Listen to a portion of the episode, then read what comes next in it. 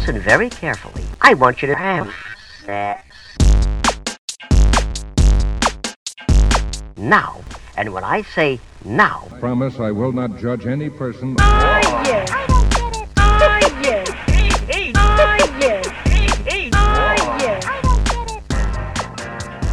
Cześć, z tej strony Nat, czyli Twoja zaufana sekspertka, a to jest Nat i Seks. Podcast o tym, że życie jest zbyt krótkie na kiepski seks. Odcinek 30. Pierwszy wibrator dla żony. Hej, hej. Miło mi znów gościć w Twoich dziurkach usznych i mam nadzieję, że cieszysz się na to spotkanie tak samo jak ja. Dwutygodniowa przerwa w nagrywaniu tego podcastu była spowodowana tym, że po prostu byłam zajęta pracą zawodową, znaną również jako zarabianie pieniędzy. Niestety, na tę chwilę podcast jest moim projektem pobocznym, hobbystycznym i muszę zaakceptować to, że czasami będę musiała robić przerwy, aby no właśnie zabezpieczyć sobie byt, bo przyznam szczerze, że taka niepewność finansowa bardzo nie sprzyja mojej pracy twórczej i choć chciałabym, żeby takie przerwy się nie zdarzały, to jednak może się zdarzyć, że takie zrobienie sobie przerwy przeze mnie w nagrywaniu tego podcastu będzie po prostu konieczne, a ja też chciałabym dostarczać atrakcyjne, przemyślane odcinki. Zanim przejdę do tematu dzisiejszego sekscastu, tradycyjnie chciałabym poprosić Cię o zasubskrybowanie go w ulubionej aplikacji podcastowej, polecenie go komuś, komu może się spodobać, a także, jeśli czujesz się wyjątkowo hojnie, wsparcia go mikrodonacją w serwisie Kofi.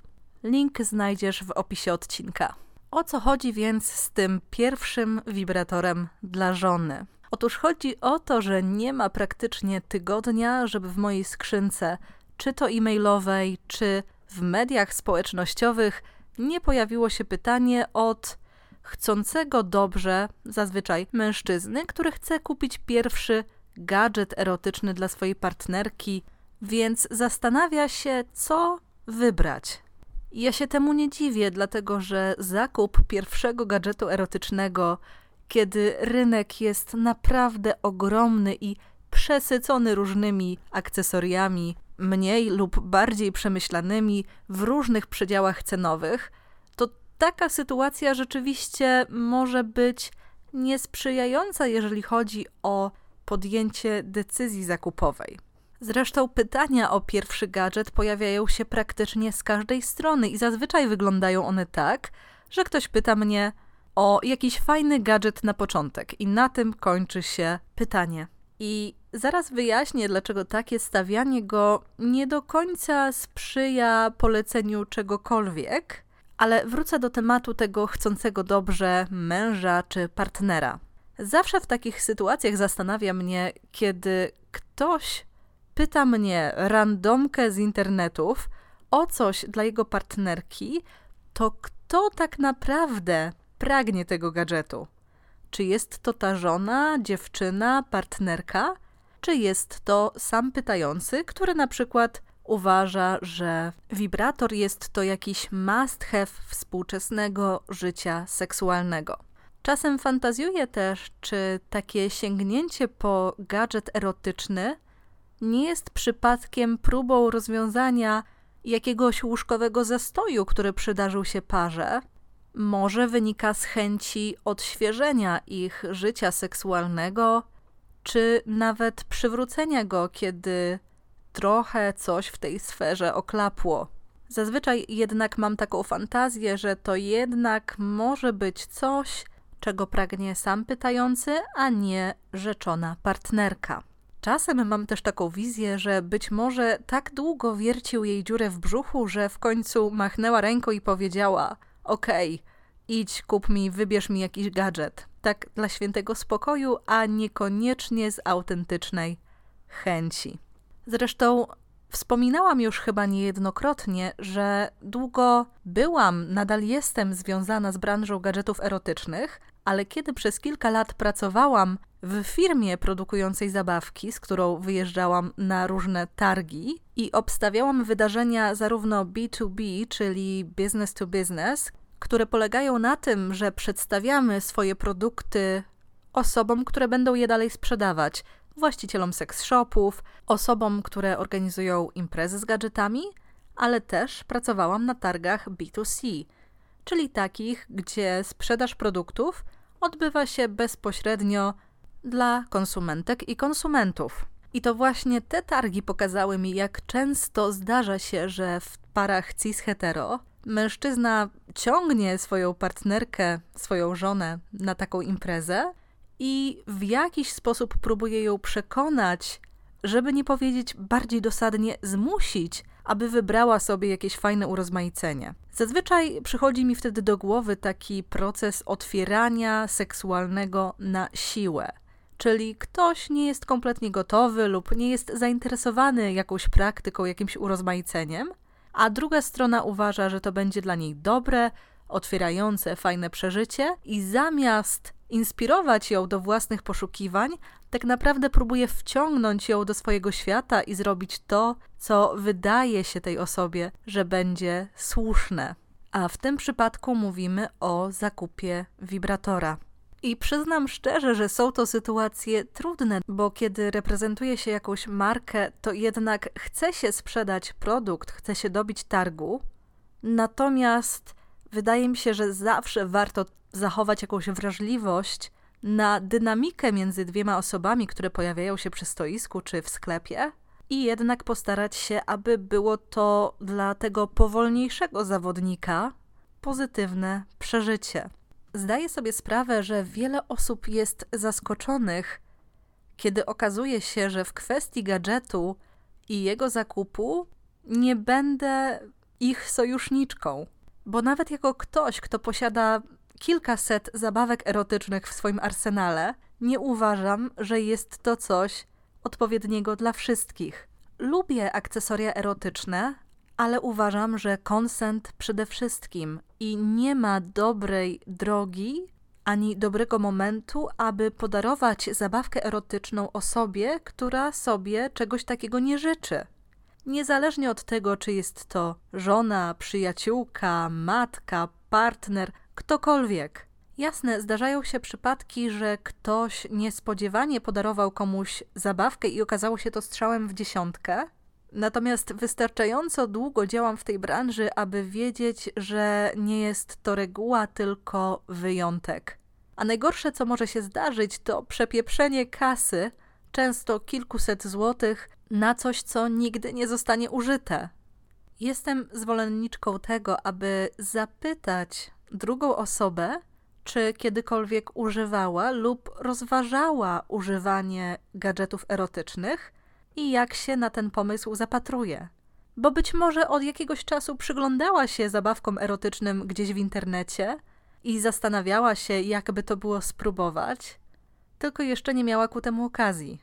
Pamiętajmy, że ludzie mają różne doświadczenia i taka osoba może mieć bardzo negatywną opinię na temat zabawek erotycznych, więc podarowanie jej wibratora niekoniecznie będzie dla niej pozytywnym przeżyciem, a może spowodować powstanie konfliktu, lub jeśli już coś dzieje się nie tak, jego zaostrzenie. Naprawdę jestem zdania, że pierwszy wibrator czy jakakolwiek inna zabawka, która będzie dotykać intymnych rejonów ciała, to coś, co dana osoba powinna sobie wybrać sama lub towarzyszyć w procesie wybierania i kupowania tego gadżetu. Wybór pierwszego wibratora, pierwszej zabawki erotycznej może być naprawdę fajnym przeżyciem dla pary, dla relacji, jeśli odbywa się oczywiście za obopólną zgodą i wynika z chęci doświadczenia jeszcze więcej przyjemności w seksie. Dlaczego więc pytanie mnie o pierwszy wibrator, polecenie konkretnego modelu jest trochę bez sensu? Przede wszystkim dlatego, że pomimo faktu, że bardzo dobrze znam branżę erotyczną, świetnie orientuję się w tym, co jest teraz nowe, co działa jak, to za cholerę nie zgadnę, co działa na czyjeś ciało. Na moim blogu jest teraz około 100 recenzji gadżetów erotycznych, różnych gadżetów erotycznych. I to, że określiłam jakiś gadżet jako świetny, nie oznacza wcale, że będzie świetny dla kogoś innego, bo ja zawsze piszę z perspektywy swoich doświadczeń, upodobań i swojego ciała. Weźmy na przykład kwestię akcesoriów realistycznych, czyli gadżetów, które przypominają genitalia. Ja sama nie przepadam za tego typu akcesoriami i najdalej, gdzie się posuwam, to modele półrealistyczne, czyli mogą delikatnie przypominać genitalia, ale nie mogą być ich odwzorowaniem ze wszystkimi żyłami, anatomią i tak. Zdaję sobie jednak sprawę z tego, że jest cała masa osób, dla których właśnie taki design jest czymś bardzo podniecającym i bardzo atrakcyjnym. I dla obydwu nas, dla obydwu grup, które lubią takie, a nie inne gadżety, jest miejsce i znajdą się produkty. Dlatego głupotą byłoby, gdybym na pytanie poleć jakiś pierwszy wibrator łechtaczkowy, podała konkretny model, nazwę, bum, wysłała cię do sklepu. Jest to działanie bezsensowne, dlatego że nie wiem, jaki lubisz rodzaj wibracji, nie wiem, jaki masz budżet na zakup pierwszego wibratora, nie wiem, jaką estetykę preferujesz. Naprawdę chciałabym mieć w oczach skaner czy jakiś telepatyczny skaner, dzięki któremu bez pudła mogłabym wskazać najlepszy gadżet erotyczny dla danej osoby, ale niestety go nie mam. Dlatego zawsze, kiedy ktoś w kontakcie osobistym prosi mnie o polecenie jakiejś zabawki, muszę podrążyć dalej. Pytam, jaki rodzaj stymulacji dana osoba lubi najbardziej. Czy lubi mocniejsze doznania, czy delikatne, muskanie samym palcem? Czy jeżeli używa jakichś akcesoriów wewnętrznych lub pieści wnętrze swojego ciała, to czy lubi odczuwać maksymalne wypełnienie, czy raczej powinno być to coś delikatniejszego? Wreszcie pytam o upodobania estetyczne. Czy lubi zabawki realistyczne, czy może jakieś inne formy? W jaki sposób chce używać tej zabawki? Czy chce jej używać w pojedynkę, we dwójkę, a może i tak, i tak? Co ta zabawka ma jej robić? No i wreszcie, jaki ma budżet, ile może przeznaczyć na kupno tego pierwszego wibratora czy innego gadżetu? Są to bardzo ważne informacje, które pozwalają zawęzić pole wyboru i przedstawić jakieś opcje, z których ta osoba będzie mogła wybrać to, co najbardziej ją przyciąga, co najbardziej jej odpowiada. Bo to jest trochę tak, jakby ktoś zapytał mnie o najlepszy model samochodu dla. I tyle. Nie wiem, gdzie ta osoba chce jeździć, nie wiem, jakie są jej potrzeby, nie wiem, co jest dla niej ważne. Więc teoretycznie mogłabym podstawić jej pod dom samochód, który pewnie by jeździł, ale to nie oznaczałoby, że ta osoba będzie z doświadczenia jazdy zadowolona. Zresztą, kiedy wyszukujemy w internecie informacji na temat najlepszych aktualnie gadżetów erotycznych, bardzo często czujemy potrzebę lub natrafiamy na rankingi zabawek erotycznych, które mają sortować produkty od najlepszych w cudzysłowie do, no nie wiem czy najgorszych, no ale jakby wyłuskiwać najlepsze modele z rynku. Ten system ma sporo wad, dlatego że musimy zawsze sprawdzić, kto stoi za takim kontentem. Bo być może jest to osoba, która może zajmuje się pisaniem tekstów, ale w ręku miała może dwa wibratory, jeśli w ogóle jakiekolwiek. A nawet jeśli je testowała, to zazwyczaj jest to kwestia bardzo subiektywna, a nasze potrzeby i oczekiwania względem gadżetów bardzo się od siebie różnią. Dlatego mój top 5 wibratorów będzie całkowicie inny niż top 5 kogokolwiek innego. Zdarza się tak, że takie rankingi są sponsorowane przez sklepy erotyczne, które po prostu wybierają jakieś produkty ze swojej oferty, które aktualnie chcą podpromować. I jasne, produkt, który znalazł się na pierwszym miejscu, może być naprawdę fajnym produktem, ale niekoniecznie dla każdego człowieka. Bo załóżmy, że wybieramy z tej listy gadżet, który zajął pierwsze miejsce, podarowujemy go partnerce, żonie i okazuje się, że jest to totalny niewypał. No i kto jest wtedy winny? Ktoś, kto opublikował taki ranking? A może żona, że jej ciało jest jakieś niedostosowane do najlepszych gadżetów na rynku i najnowszych nowinek technologicznych? Takie sytuacje są naprawdę bardzo frustrujące, dlatego że, jak już wspomniałam, bardzo często jest to niemały wydatek, więc można naprawdę czuć zawód, że wydało się kilka stów na coś, co po prostu nie działa. A takie sytuacje, czy tego chcemy, czy nie, czasami naprawdę potrafią skutecznie zniechęcić do dalszych prób i odkrywania preferowanych rodzajów stylów stymulacji. I kwestia preferencji jest czymś, o czym naprawdę trzeba ze sobą w takiej sytuacji porozmawiać. Dlatego, że naprawdę potrafię wyłapać przypadki, w których ludzie rzeczywiście nie konsultują ze sobą takich zakupów, kiedy na przykład pytam: OK, no to co lubi żona, co lubi partnerka, a w odpowiedzi słyszę: lubi duże. A kiedy dopytuję: OK, duże, czyli jakich gadżetów już używa partnerka? No nie używa żadnych, ale lubi duże. Myślę sobie wtedy: OK, być może ten ktoś chce mi się czymś pochwalić, ale w świecie gadżetów erotycznych większy, duży wcale nie znaczy lepszy czy skuteczniejszy. Dlatego jeszcze raz podkreślę: pierwszy wibrator to coś, co kupuje się z żoną, nie dla żony. Bo przyznam szczerze, że widzę to trochę tak, jako odwrotność sytuacji, w której mąż, partner, chłopak nie pozwala kobiecie na używanie wibratora czy posiadanie jakiegokolwiek gadżetu erotycznego, dlatego że nie, bo nie i jest to dla niego konkurencja. I w żadnej z tych sytuacji seks, seksualność nie wydaje się wspólną przygodą tej pary, a czymś, w czym jedna ze stron chce wieść prym, żeby nie powiedzieć dosadniej dyktować warunki.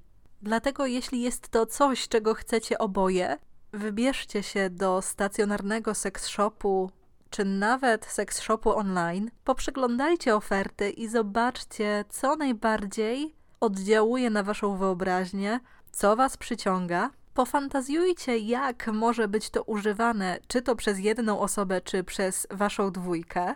I choć może nie będzie to gwarancją strzału w dziesiątkę, to przynajmniej będzie to jakieś wspólne, erotyczne, stymulujące przeżycie. I naprawdę radzę się wystrzegać osób, które zapytane o pierwszy polecany wibrator dla żony są w stanie podać konkretny model i markę. Dlatego, że być może bazują one wyłącznie na swoim doświadczeniu, nawet jeśli chcą dobrze, albo po prostu mają z tego jakąś własną korzyść.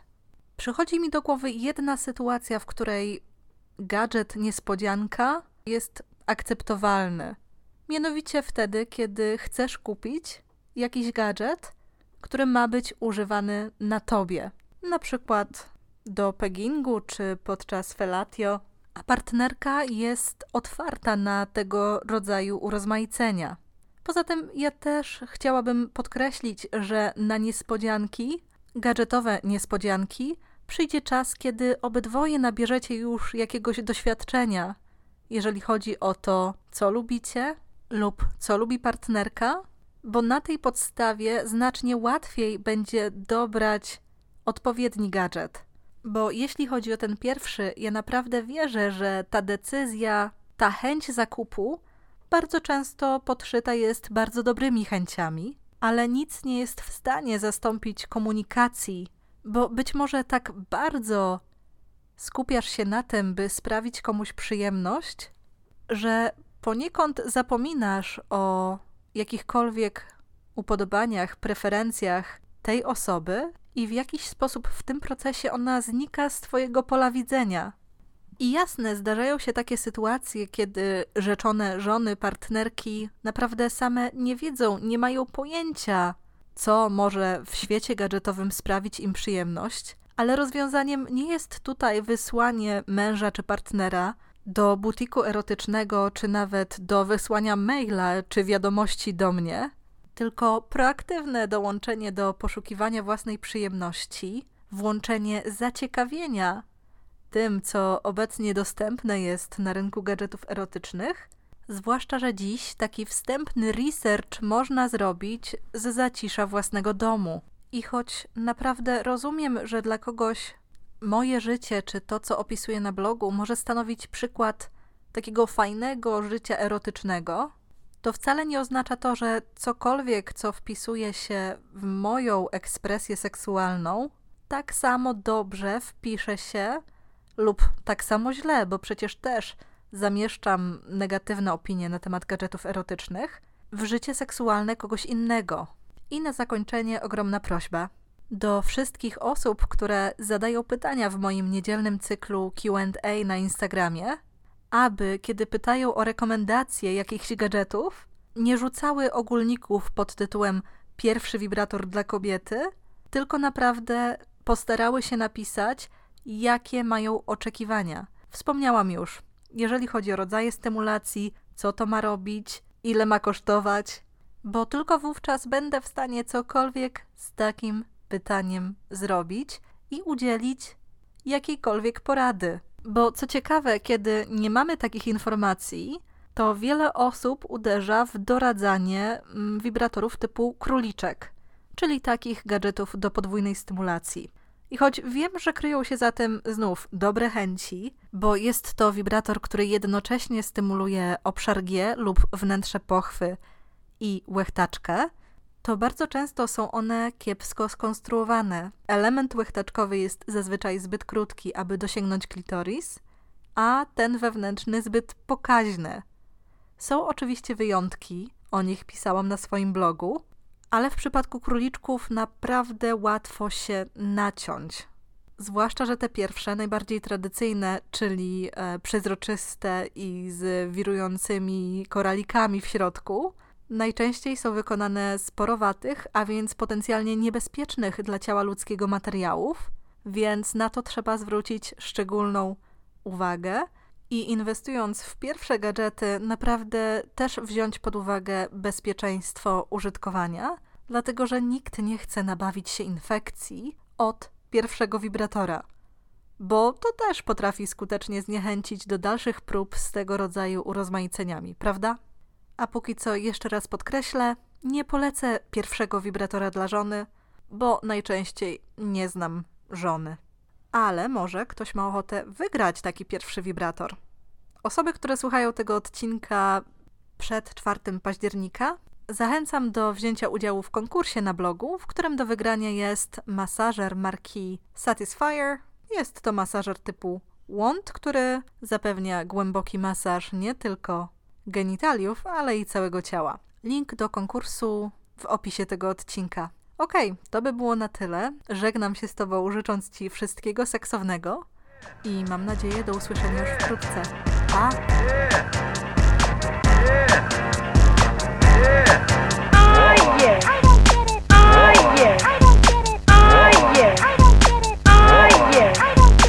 So, it's very important and very fun also to. Now,